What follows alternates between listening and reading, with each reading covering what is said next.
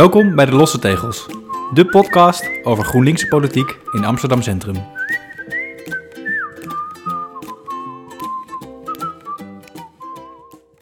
Tegenover mij zit Niria Oostra, stadsdeelcommissielid van GroenLinks Amsterdam Centrum. Hallo Roos. Daarnaast zit Micha Mos, stadsdeelbestuurder voor eh, Centrum van GroenLinks.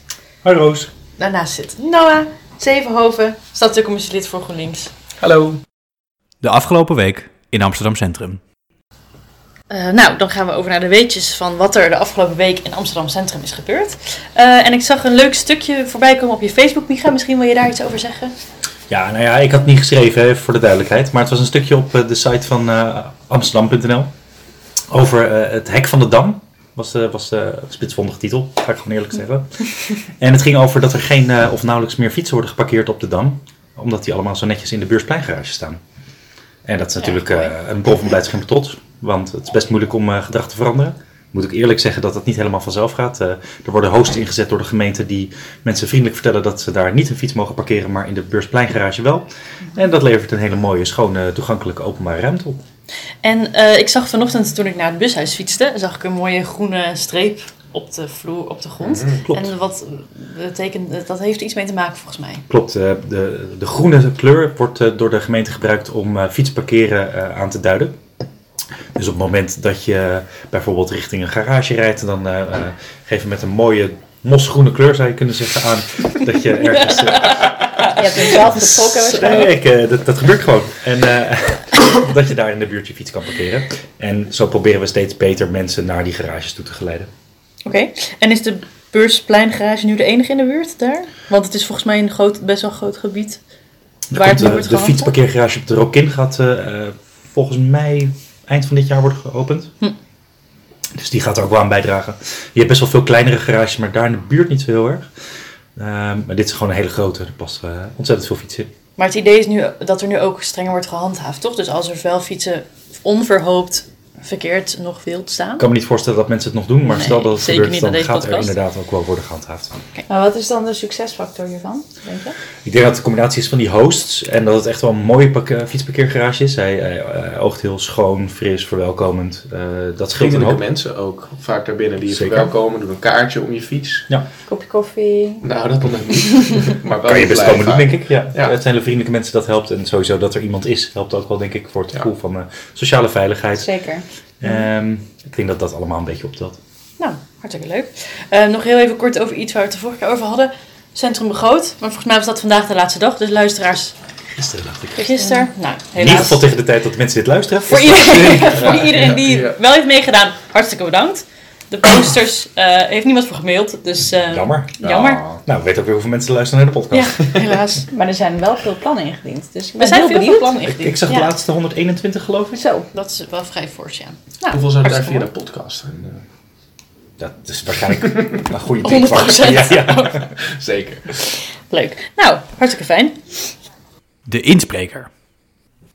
Dan gaan we naar onze rubriek De Inspreker van de Week. Maar Neria, volgens mij waren dat er afgelopen vergadering erg veel. Het waren inderdaad uh, heel erg veel. En dat had er ook mee te maken met dat we voor het eerst als stadscommissie vergaderden op locatie. -huh. En uh, dat deden we in de Haarlemmer buurt. In de Posthoornkerk. En, er waren, en er, er waren heel veel mensen uit de buurt volgens mij. En die kwamen dus eigenlijk allemaal inspreken. Ja, inderdaad. Er waren, het was uh, uit, uitgezet in de buurt dat we daar zouden gaan vergaderen. Mm. En mensen waren uitgenodigd om iets te komen vertellen over hun buurt. En er waren een aantal onderwerpen geselecteerd die daar veel leven. Namelijk bijvoorbeeld de scooterproblematiek in de Haarlemmerstraat en Dijk. Uh, mm. Afval. Um, winkeldiversiteit. Winkeldiversiteit en ook het thema buitenslapers. En ja. eigenlijk uh, zijn best wel wat mensen op afgekomen. Dus dat was, uh, wij vonden het zeer geslaagd. Ja. En wat wel leuk is en anders dan anders is natuurlijk dat mensen zich dan aanmelden om over één onderwerp te komen inspreken. Um, hier is het natuurlijk anders dat mensen vanuit een bewonerschap van ja. die buurt komen en dus dan ook vaak over verschillende dingen allemaal wel mening hadden. Ja. Dus dat geeft er veel meer een compleet beeld van ook wat iemand die zich niet actief meldt om over één onderwerp in te komen spreken, vind Wel ik ook wat iemand over. Precies. En dat geeft ja. een wat minder gefilterde input of zo. Dus dat, is, ja. dat vond ik wel heel geslaagd ja. aan. En ik had ook zeker het idee dat er ook echt mensen zaten die niet naar de stooprijs zouden komen. Ja, dus klopt. ik denk dat we daar ook... Uh, dus wat dat betreft zeker geslaagd in ieder geval. Ja, zeer zeker. En um, dat gaan we ook uh, doen, vaker, vaker doen in de toekomst. Ja. Eh, maar eh, Neria, was er nog een inspreker die er tussen uitsprong voor jou afgelopen vergadering? Ehm, Om toch een beetje bij de rubriek te blijven. Nou ja, ik, ik kom dan toch weer even terug op de, meer, de, meer, het collectief aan insprekers misschien. Want ehm, ze hadden bijvoorbeeld, het onderwerp buitenslapers. En ehm, het was voor ons van tevoren... eh dachten, nou, misschien gaan mensen heel erg klagen erover. En heel erg negatief doen over mensen die geen dak boven hun hoofd hebben. En eh, een plekje zoeken.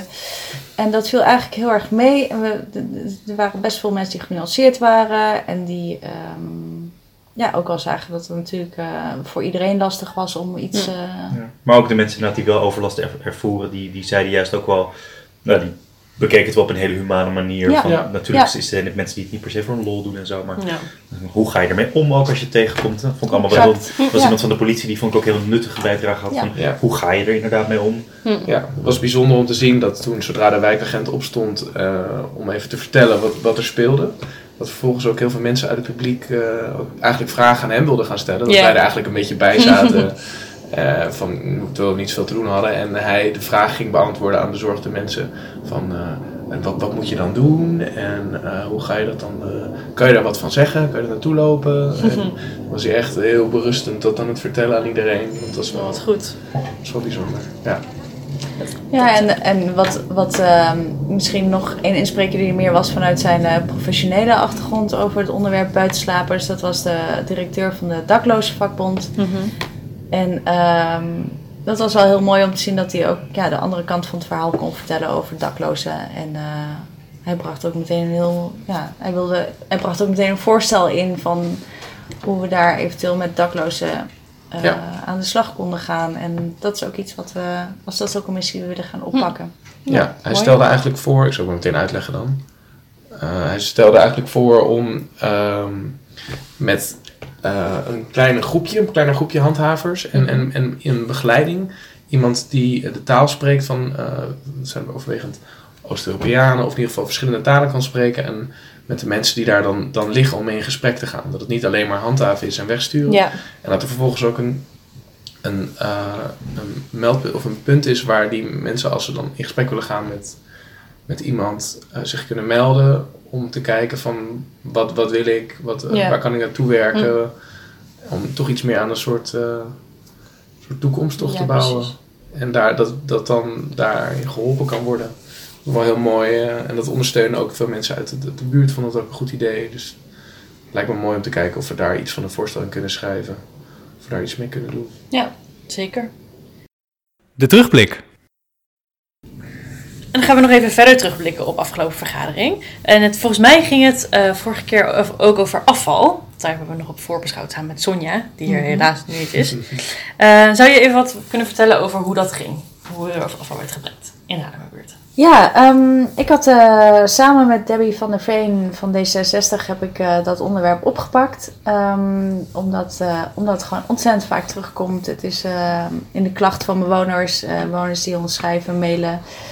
Ehm, en die komen inspreken. En eh, het is voor best wel wat mensen in het centrum eh, een dagelijks terugkerend iets. En dan ook echt bij de voordeur. En eh, er komt heel veel overlast vandaan. En ehm, nou, dat hebben we opgepakt en een adviesstuk overgeschreven. Maar in eerste instantie een soort discussiestuk. Want we wilden graag een aantal punten bespreken met elkaar. En vooral ook in de, in de Haarlemmerstraat horen hoe het eh, op de Haarlemmer, in de Haarlemmerbuurt ermee is. Dat is op zich wel. ehm, want ja, ik, ik had ook het idee dat eh, veel van de klachten die ik nu hoorde vanuit de Haarlemmerbuurt ook wel inderdaad centrum breed spelen. Maar volgens mij was een aanleiding ook dat bij de schoonmonitor, het instrument wat eh, de gemeente gebruikt om eh, te meten hoe schoon het is, dat de Haarlemmerbuurt een van de slechtst, als niet de slechtst scorende eh, buurt was in het Ja. centrum. Klopt, daar hadden we de vorige ja. podcast ook nog kort eh, over gehad voor de trouwe luisteraars. Maar ehm, het, was, eh, het was ook wel duidelijk dat een, best wel veel mensen daar ook wel eh, last van hebben. Of dat, er kwamen best wel veel opmerkingen. Ja. Ik vond het wel mooi om dan meteen helemaal door te spoelen naar het einde. Was de, denk ik de laatste inspreker die van het agendapunt. Die eh, wilde wel na, eigenlijk na veel kritiek. Wilde hij nog wel even een positieve noot afsluiten. Dat hij vond dat het, eh, toch heel goed ging. En dat, eh, dat u keihard ziet werken, al die alle mensen van de gemeente. En dat eh, ze ontzettend hard hun best doen. Dat is En dat het mooi. bijvoorbeeld na Koninginnedag eigenlijk super snel weer Ja. in orde is. Ja, Gezien het feit eh, wat een rotzooi Ja. het eh, wordt. zoals. Hij was echt aan het wachten tot ze, oké, is het nu afge- afgelopen, het agendapunt? Oké, ik wil nog wel even iets Ja. zeggen.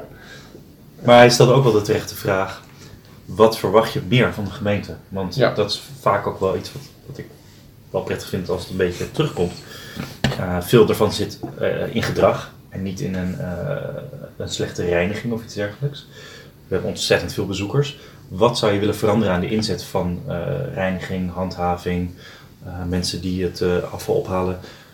Om op een beetje een reële manier, zonder dat het onbetaalbaar wordt, die stad opeens er echt veel beter uit te laten zien. Ja. Dat is wel een goede vraag. Nou, hij had wel een aantal terechte punten. Ik vond die inspreker zelf ook. Dat hij toch ook wel gevaarlijke verkeerssituaties ziet ontstaan. Vaak 's ochtends vroeg. Als eh, de, de wagens door de straat rijden. In de Haarlemmerdijk, Haarlemmerstraat. En het verkeer eromheen gaat. En eh, hij had zelf de, de, het idee om het dan midden in de nacht te laten ophalen. Waarbij veel weer- bewoners, Ja. de bewoner verontwaardigd opkeek. Omdat hij juist heel vaak last had van dat het eh, zo vroeg werd opgehaald. Nou ja, en je zit gewoon in oude huizen in het centrum. Dus je kunt best om vijf uur s'nachts een eh, vrachtwagen laten rijden. In theorie trouwens. Want dan heb je ook trouwens mensen nodig die dat werk willen doen. Hè? Mhm, en dat ja, is gewoon zeker. ook weer duurder. Los van of je überhaupt de mensen vindt. Ja. Ja. Maar ja, in van die oude huizen word je ook gewoon wakker getrild. En, Ja. eh, Mhm. eh, en, en van het geluid wakker. Dus Zeker. tja, is dat wel zo handig. Ja, terecht. Daar zouden waarschijnlijk dan weer klachten op kunnen komen Ja, inderdaad. Maar aan de andere kant waren er ook weer mensen die juist zeiden... ja, ik heb liever niet dat het, tussen, dat het om 8 uur 's ochtends al wordt opgehaald. Want dat betekent dat ik het alleen tussen 6 en 8 's ochtends eh, Ja. kan buitenzetten. En dat vind ik eigenlijk niet te doen. Eén heel klein concreet punt, wil ik toch nog even zeggen, want dat was wel leuk.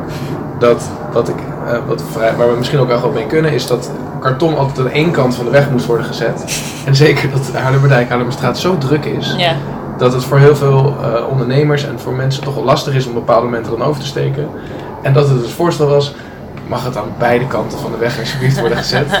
Dat is En wel leuk, wat was het antwoord? concrete vraag, ik heb nog geen antwoord op, eh, maar dat zijn wel leuke kleine, kleine dingetjes eh, Dat was schattig. waar we misschien wel mee kunnen. En wat gaat er nu in het algemeen met de opmerkingen gebeuren? Wat gaan jullie hiermee doen? Of...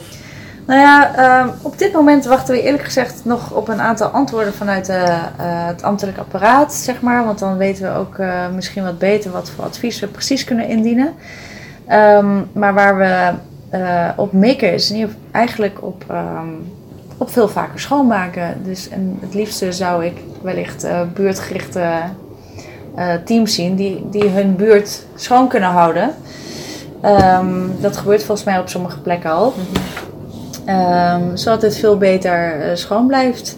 Een ander punt is eh, de ondergrondse afvalcontainers, maar dat kan natuurlijk niet overal in het centrum. Dus dan zou je kunnen gaan kijken naar andere alternatieve eh, afvalverwerkings- of afvoermethodes, inderdaad. Over water bijvoorbeeld, bij de grachten. En dan is er bijvoorbeeld in de, een pilot in de negen straatjes, waarin zeg maar, ondernemers ehm, eh, met elkaar afspraken maken om één afvalophaaldienst te laten rondgaan, in plaats van elk bedrijf zijn eigen afval Ja, te laten precies. ophalen. En dat, nou, dat, we zijn heel benieuwd naar wat eruit komt, maar ook ja, dat lijkt wel een goed concept eigenlijk. En misschien, in mijn droom is zou dat misschien voor al het afval in één keer kunnen, zeg maar, beurtgerichte, alles Ja. afvalophalers. Oké. Ja. Dat zou mooi zijn, maar we moeten inderdaad even kijken hoe dat eh, verder eh, uitgewerkt kan worden. Nou, ik ben benieuwd. Daar, daar gaan we het zeker nog wel een keer over hebben. Als we Zeker. Ik, wel iets gok weten. dat schoon en afval, dat het een onderwerp is dat nog wel eens vaak überhaupt gaat terugkomen. Ja, naast losse tegels. Losse tegels, afval. Ja, nou, dan zorgen we dat Sonja er weer een keer is. Ook bij de Centrum. Begrootplannen stonden ook ideeën over eh, afval. Het Ja. leeft erg, Ja, heb ik het zeker. idee. Nou, dat is nou niet mooi, maar gezellig. of zo. Ehm, nou, hartstikke leuk. En dan nog iets waar we het de vorige keer in de podcast ook al heel lang over hebben gehad en waar het nu weer over ging, is het vergunningenplafond. En Micha, jij was er de vorige keer bij de podcast niet, maar Maar in gedachten wel, hè? in gedachten zeker. Je hebt het teruggeluisterd. We hebben nog Ja, leuke suggesties paar- paar gedaan over wat je allemaal wel niet zou kunnen doen. Maar Ja. dat ging vooral over het andere agendapunt. Ehm, maar het vergunningenplafond, want daar was nog wel wat om te doen. En nu werden daar ook weer dingen over gezegd. Ja, er zijn allemaal dingen over gezegd zelfs. Het was een hele vergadering. Ehm, wat we als dagelijks bestuur hadden voorgesteld was om eh, de verlaging van het eh, vergunningenplafond eh, wat harder aan te zetten dan het voorstel van het college stelde. En dat kwam erop neer dat wij in alle buurten waar de parkeerdruk boven de 90% is, dat wil zeggen dat op het piekmoment dat je meet meer dan 90% van alle parkeerplaatsen bezet is, ehm, dat we daar helemaal wilden stoppen met de uitgifte van parkeervergunningen tot het moment dat het onder de 90% gedaald was.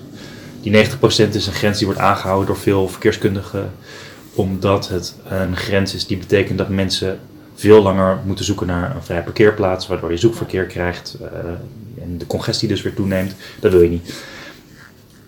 Ehm, wat het ook betekent, als het moment dat je zou stoppen met de uitgifte van nieuwe vergunningen, is natuurlijk dat mensen eh, een open einde wachttijd zouden hebben met het krijgen van een parkeervergunning. Eh, op zich, ik denk dat het niet een slecht idee is als je maar duidelijk bent in je communicatie. Mhm. Ja. Mensen weten dat ze de komende twee of drie jaar geen parkeervergunning kunnen krijgen. Mhm. En eh, dat waren D66 en VVD eh, helaas niet met mij eens. Dat betekende dat we er op een eh, technische minderheid afgingen. Ja. En dat betekende ook wel, en dat was, vond ik een beetje jammer, dat, want we hebben het hier in twee vergaderingen over gehad en uiteindelijk is er geen ander voorstel op tafel gekomen. Ja. Alleen maar dat dit voorstel door een meerderheid van de stadscommissie werd afgewezen. En ik had het wel mooier gevonden als er een alternatief voorstel was gedaan, wat ehm, nou ja, invulling gaf aan, aan, aan de nood van Centrum, die er ook wel degelijk was. En ik merkte ook dat met name eh Diederik Brink van D66, die namens D66 sprak, ook wel erg op zoek was naar een, een alternatief. Eh, maar dat daar ook uiteindelijk geen, er was geen meerderheid voor te vinden en het werd ook niet helemaal duidelijk wat dat dan zou moeten zijn. Maar, want ik was er dit keer niet, een keer. Ehm, eh, maar was het dan ook niet zo dat ze het wel eens wa- waren eigenlijk met de wethouder met dat dit Nou, dat verschilde dus ook. D66 eh, wel. En eh, ik- Dus die wilde volgens mij meer dan... en PvdA waren ook niet per se tegen het voorstel van de wethouder. Het ging ons dus om een versnelling van de, Ja, precies. van de Ja. wethouder om nu alvast meer eh, openbare ruimte te kunnen verbeteren. Ja. Want het idee van die, die grens van 90% is dat je geen parkeerplaatsen kunt opheffen zolang eh, die 90% eh, daardoor wordt overschreden of al overschreden wordt. Ja, En dat betekent dat je in centrum best wel eh, op veel plekken klem komt te zitten. Want eh, grote delen van de westelijke binnenstad met name zijn vrijwel allemaal boven de 90%. Of Mhm. komen dat zodra je een paar parkeerplaatsen opheft. ja. Ja.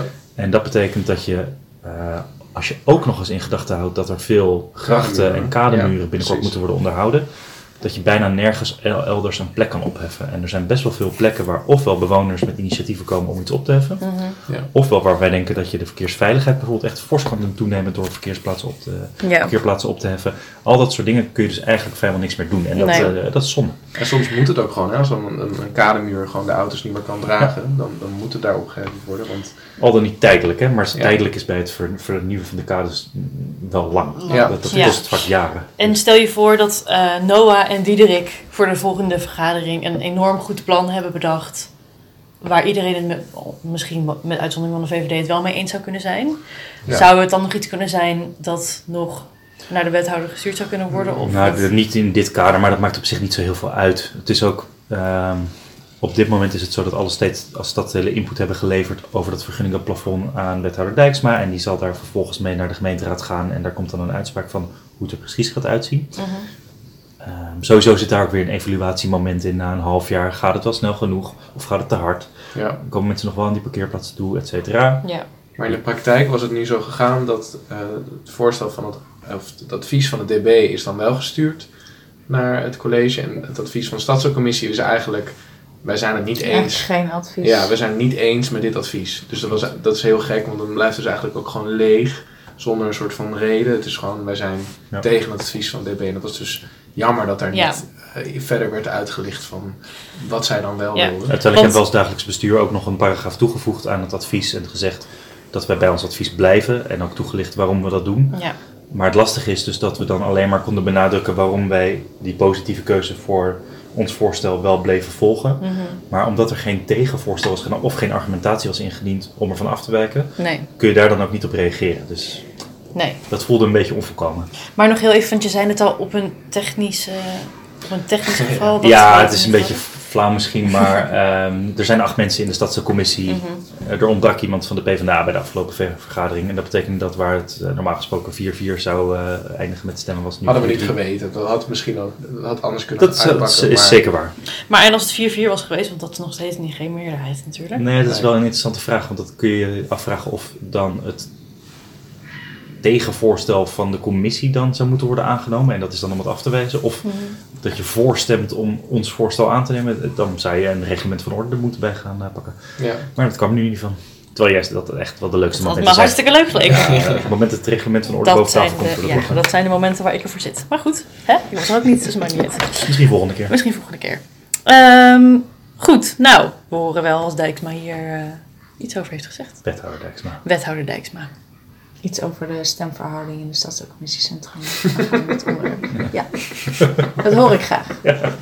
Dus, als u luistert. Een van de vervelende dingen die ik dan vind van dat eh, we niet mee zijn gegaan met het eh, advies van eh, het dagelijks bestuur van het centrum, is omdat het ook inderdaad bewoners die heel graag een autoluwe of autovrije straat willen, eh, die worden dan met de reden van de parkeerdruk worden ze eigenlijk tegengewerkt. We hebben het voorbeeld van de Montelbladstraat, waarin echt een overgrote meerderheid aan bewoners eh, voor het autovrijmaken is van de Montelbaanstraat. Ehm, en dat gaat nu eigenlijk dan niet door. Dat is wel een heel mooi initiatief, want ehm, een paar bewoners die hadden dit idee, want de rechtsboomsloot om de hoek die wordt gerenoveerd en die wordt dus autovrij. Autoluw, want eh, 100% autovrij natuurlijk nooit. Ehm, en zij dachten, nou, dat vinden wij ook wel een super idee voor onze straat. Dus ze zijn gaan inventariseren bij de rest van de bewoners. En ehm, in grote meerderheid waren die voor. Hele handtekeningenactie opgezet. Eh, ze hebben ingesproken bij ons bij de stadsdeelcommissie. Contact gehad met de ambtenaren, projectmensen ervan. Eh, met de heer Michamos ook. En wie gaat ons? En eigenlijk was iedereen daar wel eh, voor. Eh, Ja. En dan gaat het nu toch niet door. En de bewoners hebben dus, echt, niet. hebben dus echt niet... Ze hebben gewoon geïnventariseerd dat ze buiten even stonden. Maar zijn echt langs alle deuren gegaan van de straat. Ja. Om echt aan iedereen te vragen wat ze ervan vonden. Dus heel actief daarmee bezig geweest. Eh, dus wat dat betreft is het niet een soort van... Ja, de grote meerderheid is voor. We weten wel echt dat in ieder geval in deze straat... echt een meerderheid. Laat ik wel gezegd hebben dat die parkeerdruk daar ook wel gewoon echt hoog is. Ja, Ehm, en dat is natuurlijk altijd lastig eh, als je dan zo per straat bekijkt. Het kan wel zijn dat mensen ook denken in die straat, ik parkeer wel om de hoek. ehm, maar wel zelf een mooie straat hebben en dan vervolgens wordt de druk Ja. in de straat daarnaast wel weer nog hoger. En ook Ja. op het moment dat we we ons voorstel wel hadden aangenomen, is niet gezegd dat eh, je binnen een, een, een, jaar dat al had kunnen doen met een parkeerdruk onder de 90%. Bijvoorbeeld omdat je de rechtboomsloot daar in de buurt hebt, die, eh, waarvan de hele kade wordt vernieuwd. En de Prins Hendrik kade, daar gaan waarschijnlijk parkeerplekken worden opgegeven. Dus heb je nog wel een paar plekken die nog meer noodzaak kennen. Dus ja. het zal altijd een lastig verhaal zijn. Maar er waren de, de- een heel aantal inder- indieners van de, of de handtekeningenzetters die vonden het prima om hun auto in een parkeergarage vlakbij te zetten. Maar, Ehm, ja. ja, precies. En daarnaast eh, leek het heel mooi uit te komen, omdat de eh Montebaanstraat toch mede, mee wordt heringericht. Dus dan zou je denken, nou, doen we het in één keer goed. En eh, nou, dat is dan gewoon jammer als dat niet kan. En zo'n zo'n ehm, eh, wijziging in het parkeervergunningenbeleid had een mooi haakje kunnen zijn. Ja. Had kunnen Ja. helpen. Ja. De vooruitblik. Eh, dan gaan we ook even vooruitblikken op de volgende vergadering. Ehm, en Neria, ik heb me laten vertellen dat, we dan, dat jullie het dan gaan hebben over het Uilenburger Complex. Kun je even uitleggen wat het Ui- Uilenburger Complex is en waar het over gaat?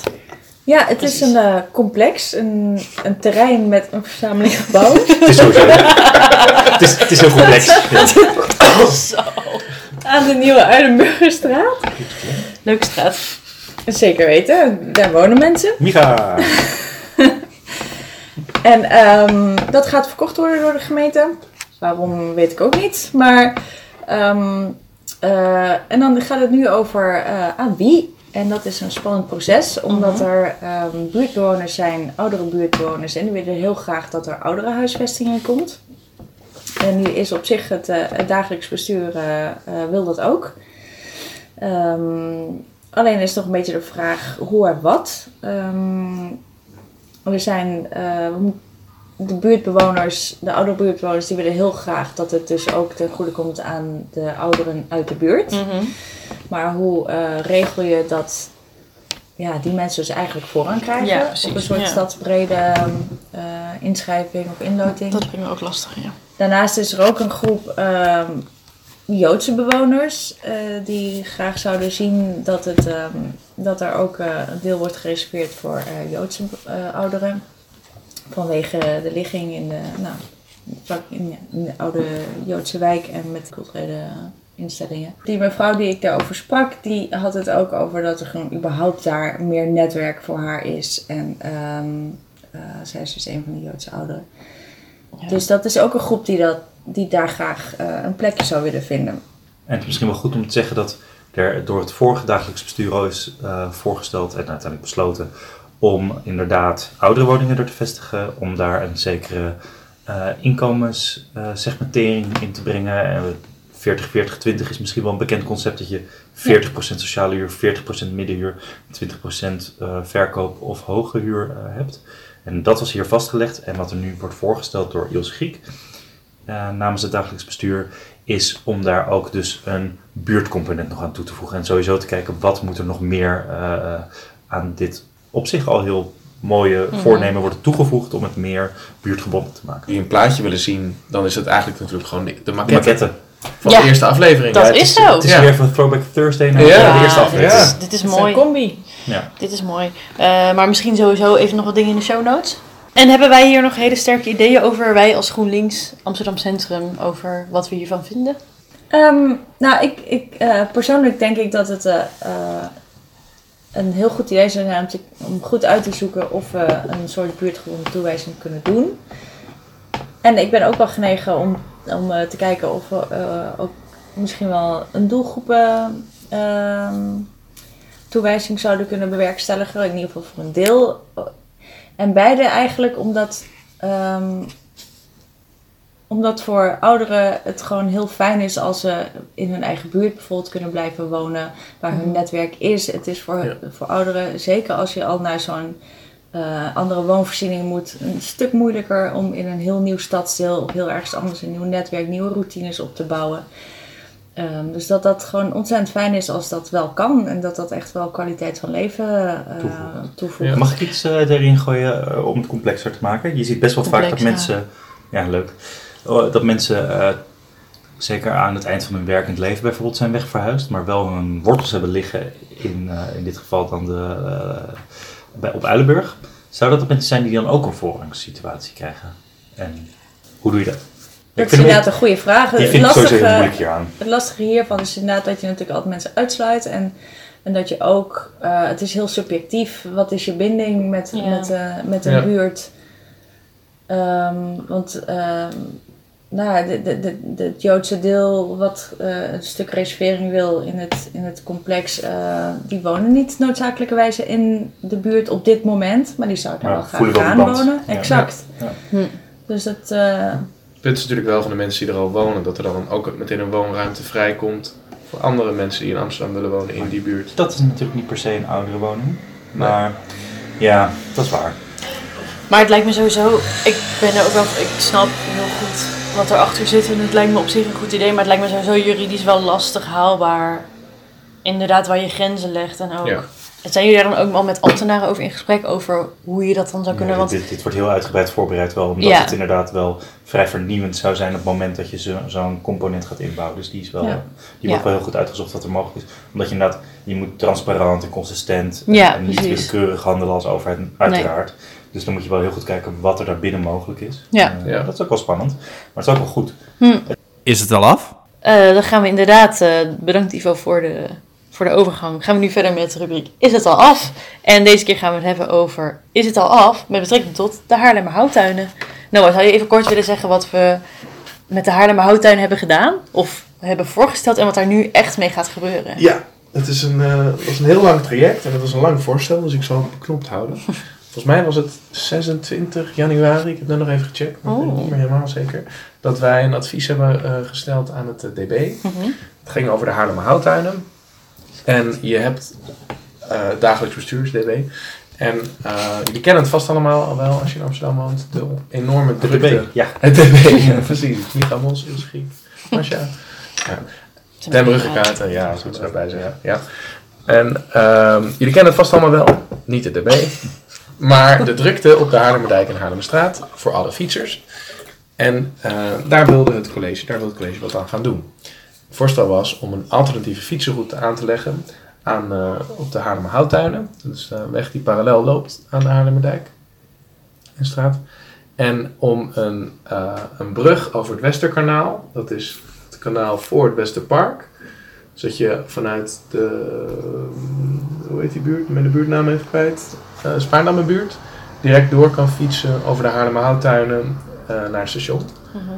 En, ehm, en onderdeel van het eh, voorstel was om brug 95. eh, dat is de brug die je waarschijnlijk wel hebt gezien, maar niet bewust hebt gezien. aan de eh, Korte Prinsengracht. Het verdrongen. Ja, hebt verdrongen. En Er zijn mensen die zeggen de lelijkste brug van Amsterdam. Ja, zeker weten. Het was oorspronkelijk bedoeld als het begin van een soort verkeersring om heel Amsterdam heen. Toen, volgens mij in de jaren 80, jaren 70 nog een idee was dat eh, er een soort verhoogde ring moest komen om heel, Am- om heel Amsterdam heen. Toen Den Uyl nog wethouder was in Amsterdam. Ja, en de auto's de toekomst waren. En het voorstel over brug 95 was om die af te breken. En om daar een, eh, noem je dat, gelijkvloerse brug? Zo noem je dat. gelijkvloerse brug. En eh, je hebt daar dus twee bruggen. Dus als je, als je daar bent of daar een keer langs gaat, misschien is die al weg. Dan moet je dit heel laat luisteren. Spoiler voor zometeen de uitslag. Ja. Maar eh, je hebt twee bruggen. De achtste brug is, eh, als je van de Haarlemmerdijk kijkt, de achtste brug is de spoorbrug. En de voorste brug is de verkeersbrug waar alle bussen overheen gaan. En waar ook de tram overheen zou moeten gaan. Maar die was te steil, dat lukte niet. Dus dat, die gaat er al een tijdje niet meer overheen. Daar was niet goed over nagedacht. Nee, precies. Het voorstel was om die af te breken. Daar ehm, waren verschillende partijen het niet mee eens in de stadscommissie. Ehm Vonden zij het een mooie brug? nee. Ehm Wat een goede vraag. Nee, Goeie vraag. Nee, eh, dat was het niet. Uiteindelijk was het VVD eh Falikant tegen. Eh, onderdeel, er waren een aantal redenen daarvoor. Eh reden was dat eh, parkeerplaatsen onder de brug, dat ze eigenlijk niet genoemd, maar het, was wel duidelijk dat het een van de redenen was eh, dat meer parkeerplaatsen zouden verdwijnen. Eh, er wellicht een gevaarlijke kruising zou komen op de Korte Prinsengracht en de Haarlemmer Houttuinen. Voor alle, omdat het dan dus een gelijkvloerse brug wordt, gaat het verkeer er niet meer overheen, zoals het nu in de, in de huidige situatie het wel gaat. Dus dat was een, een argument ehm, dat als alle fietsers daar overheen zouden gaan, nou ja, dat het, dat, dat wellicht gevaarlijk zou worden. Ehm, en ehm, wij vonden juist, wij van eh, GroenLinks, Stadsdeelcommissie. Stadsdeelcommissie, hebben samen met de twee andere partijen, Partij van de Arbeid en D66, een voorstel geschreven om dat eh, wel af te breken, brug 95. Omdat wij denken dat dat de beste manier is om de openbare ruimte daar heel erg te verbeteren. De Haarlemmer Houttuinen. Als je daar nu al komt, dan eh, zie je dat, dat die brug toch een soort grote grijze straat maakt. En ehm, Veel daglicht wegneemt ook. veel daglicht wegneemt, precies. En als je daar een gelijkvloerse brug van maakt, dan, dan ontstaat er veel meer ruimte in die straat. Veel meer ruimte voor groen. Eh, een veel aantrekkelijkere straat ook om te fietsen. Eh, dat is natuurlijk ook het punt. Uiteindelijk is het hele doel om een aantrekkelijke alternatieve fietsroute te zijn. En als, dat is best een duur project om dit allemaal te gaan ontwikkelen. En als uiteindelijk niemand gebruik gaat maken van die route, dan schiet het eigenlijk zijn doel voorbij. En ehm, ons voorstel was ook om dan te inventariseren of er wellicht een knip kan komen. En een knip hebben we volgens mij al een keer eerder uitgelegd. zelfs Die aflevering de, 2. Is die Ja. de knip, precies. Ja. met een airport plaatje. Ik zal hem toch nog kort even uitleggen, maar dat er, dat er geen eh, autoverkeer door kan. Dus dat er letterlijk een, knip wordt gedaan. ehm, waardoor je dus eigenlijk ook die gevaarlijke kruising volledig zou eh, vermijden. Eh, later kwam ook nog een reactie van, de- van de wethouder. Dat er een, eh, vanuit modellen, verkeersmodellen, er niet wordt voorspeld dat er überhaupt een gevaarlijke situatie daar ontstaat. Ehm, maar Eh, waarom we het er nu over hebben. Na deze hele lange intro. Ik had hem toch kort willen doen. Dat lukte niet. Eh, het is een complex geval. Ja, het is een complex geval. Er zijn nog heel veel andere dingen over te zeggen. Maar eh, de gemeenteraad heeft net het plan unaniem aangenomen. Dus daar zijn wij heel blij mee. Unaniem. Oeh. Ja, volgens mij wel. Ja, unaniem. Super. Als ik de Twitter van Zeger Ernstig mag geloven. En Ja. dat doe ik graag. Ja, zeker. dus daar zijn wij heel blij mee. En eh, ons advies van de stadscommissie heeft daar vast bij geholpen. Dat eh Dat denk ik ook, Noah. wij zeker. Dat geloven we. Nou, dat is goed nieuws voor ons. Dus ehm, En wanneer betekent dat het over een paar weken wordt begonnen? Wat een leuke vraag, een leuke vraag, eh Graag gedaan. Ja. Nee, dit gaat nog wel een paar jaar duren. Ja. De bonnetjesaffaire. Nu gaan we naar de befaamde rubriek De Bonnetjesaffaire. Eh, normaal doen we dat alleen als Ivo erbij is, maar Ivo die wilde graag naar de film. In plaats van hier eh, En daarna wil die volgens mij kijken naar de burgemeestersbenoeming in van Leeuwarden. eh, Buma. Ja, Ja. Is dat te volgen live?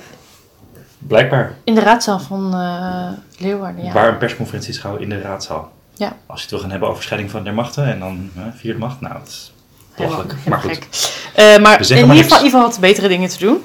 Eh, Micha heeft wel Ivo even onder druk gezet. En Ivo heeft wel een bonnetje gestuurd waar Ja, we het even over kunnen hebben. Een factuur. Een factuur. En wat Ja. voor een factuur is het, Micha? Nou, hij heeft een rekening betaald eh, van het lokaaltje, zo zegt hij het, van de Algemene Ledenvergadering. Ja. Eh, waarop ik dacht, dat is al een tijdje geleden. Ja. Begeleidende tekst van Ivo, die was tussen wal en schip gevallen. Dat De wal zijn ik denk wel zowel wal als schip, denk ik, allebei Ivo. en dat hij gewoon, eh, Maar de wal is toch... Wie was de vorige penningmeester? nou, ga- dat kan je echt niet zomaar zeggen. Nee, Nee, dat, is, dat niet oké. nee, Nee, nee, nee, nee. dat is, eh penningmeester shame gaan we niet doen. Maar dan is, toch, dan is Ivo niet het wal en het schip. Dan is Ivo het schip alleen. Je Maar hebt, hij hem wel was net, al je hebt hem wel net gezien, eh, hint, hint. Ja, ik denk dat ik weet wie het is. Maar ik mag hem niet meer noemen. Maar Dus, Ivo was op zich in die ALV benoemd. De, en die factuur is niet voor de Ja. ALV gestuurd. dus Thijs, het is niet jouw schuld. Het is zeker Ivo's schuld. Lekker Thijs, allemaal Ivo schuld. Shout-out. Kleine shout-out naar, eh, naar In de Thijs. show Thijs. Wat, Oh, een foto van Thijs in de Een show. foto van- dat is sowieso... Dat wordt sowieso... Thijs- maakt je wel altijd blij. Thijs, knappe jongen dus. Ja. Dus is prima. In ieder Ja. geval, eh, de rekening van de ALV, inclusief twee kannen koffie en twee kannen thee, bedroeg uiteindelijk, vrijgesteld van BTW, gaan we er eerlijk bij zeggen, Ja. 132 euro. Zo. En als je gaat gokken, wat is dan duurder? Een kan koffie of een kan thee? Dan eh, denk ik dat het thee is uiteindelijk. Nee, koffie is wel duurder. Nou, Twee keer zo duur zelfs. maar dat is best wel logisch, toch? Ja. Ja, maar waarom Maar ik vind het ja, het is een beetje dom. Ja. Ik dacht, het is een strikvraag, want Micha stelt dat het alleen maar strikvraag Hmm. Dat is niet waar. Nou, Dat eh, is ook koffie, zo. thee, zaalhuur 132 euro. Heeft het ons vreugde gebracht? Die ALV, nee, maar, ja. maar ik weet niet of, we in pla- of we, als hij geen vrucht heeft gebracht, of we dan de factuur voor de gewoon.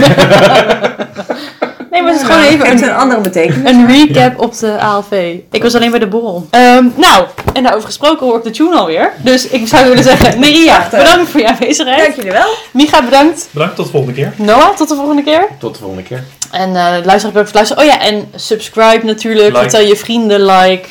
Eh, kijk de show notes vooral, want dat doen weinig hier. mensen. Ehm, Kan ook niet in Spotify. en ze zijn heel leuk. Nee, Nora, het kan dus niet in Spotify. Even naar delossetegels.nl. Ehm mailen kan naar uh, Posters at de losse posters.delossetegels.nl. En eh, Allemaal terecht. tot de volgende keer. Doei. Doei doei!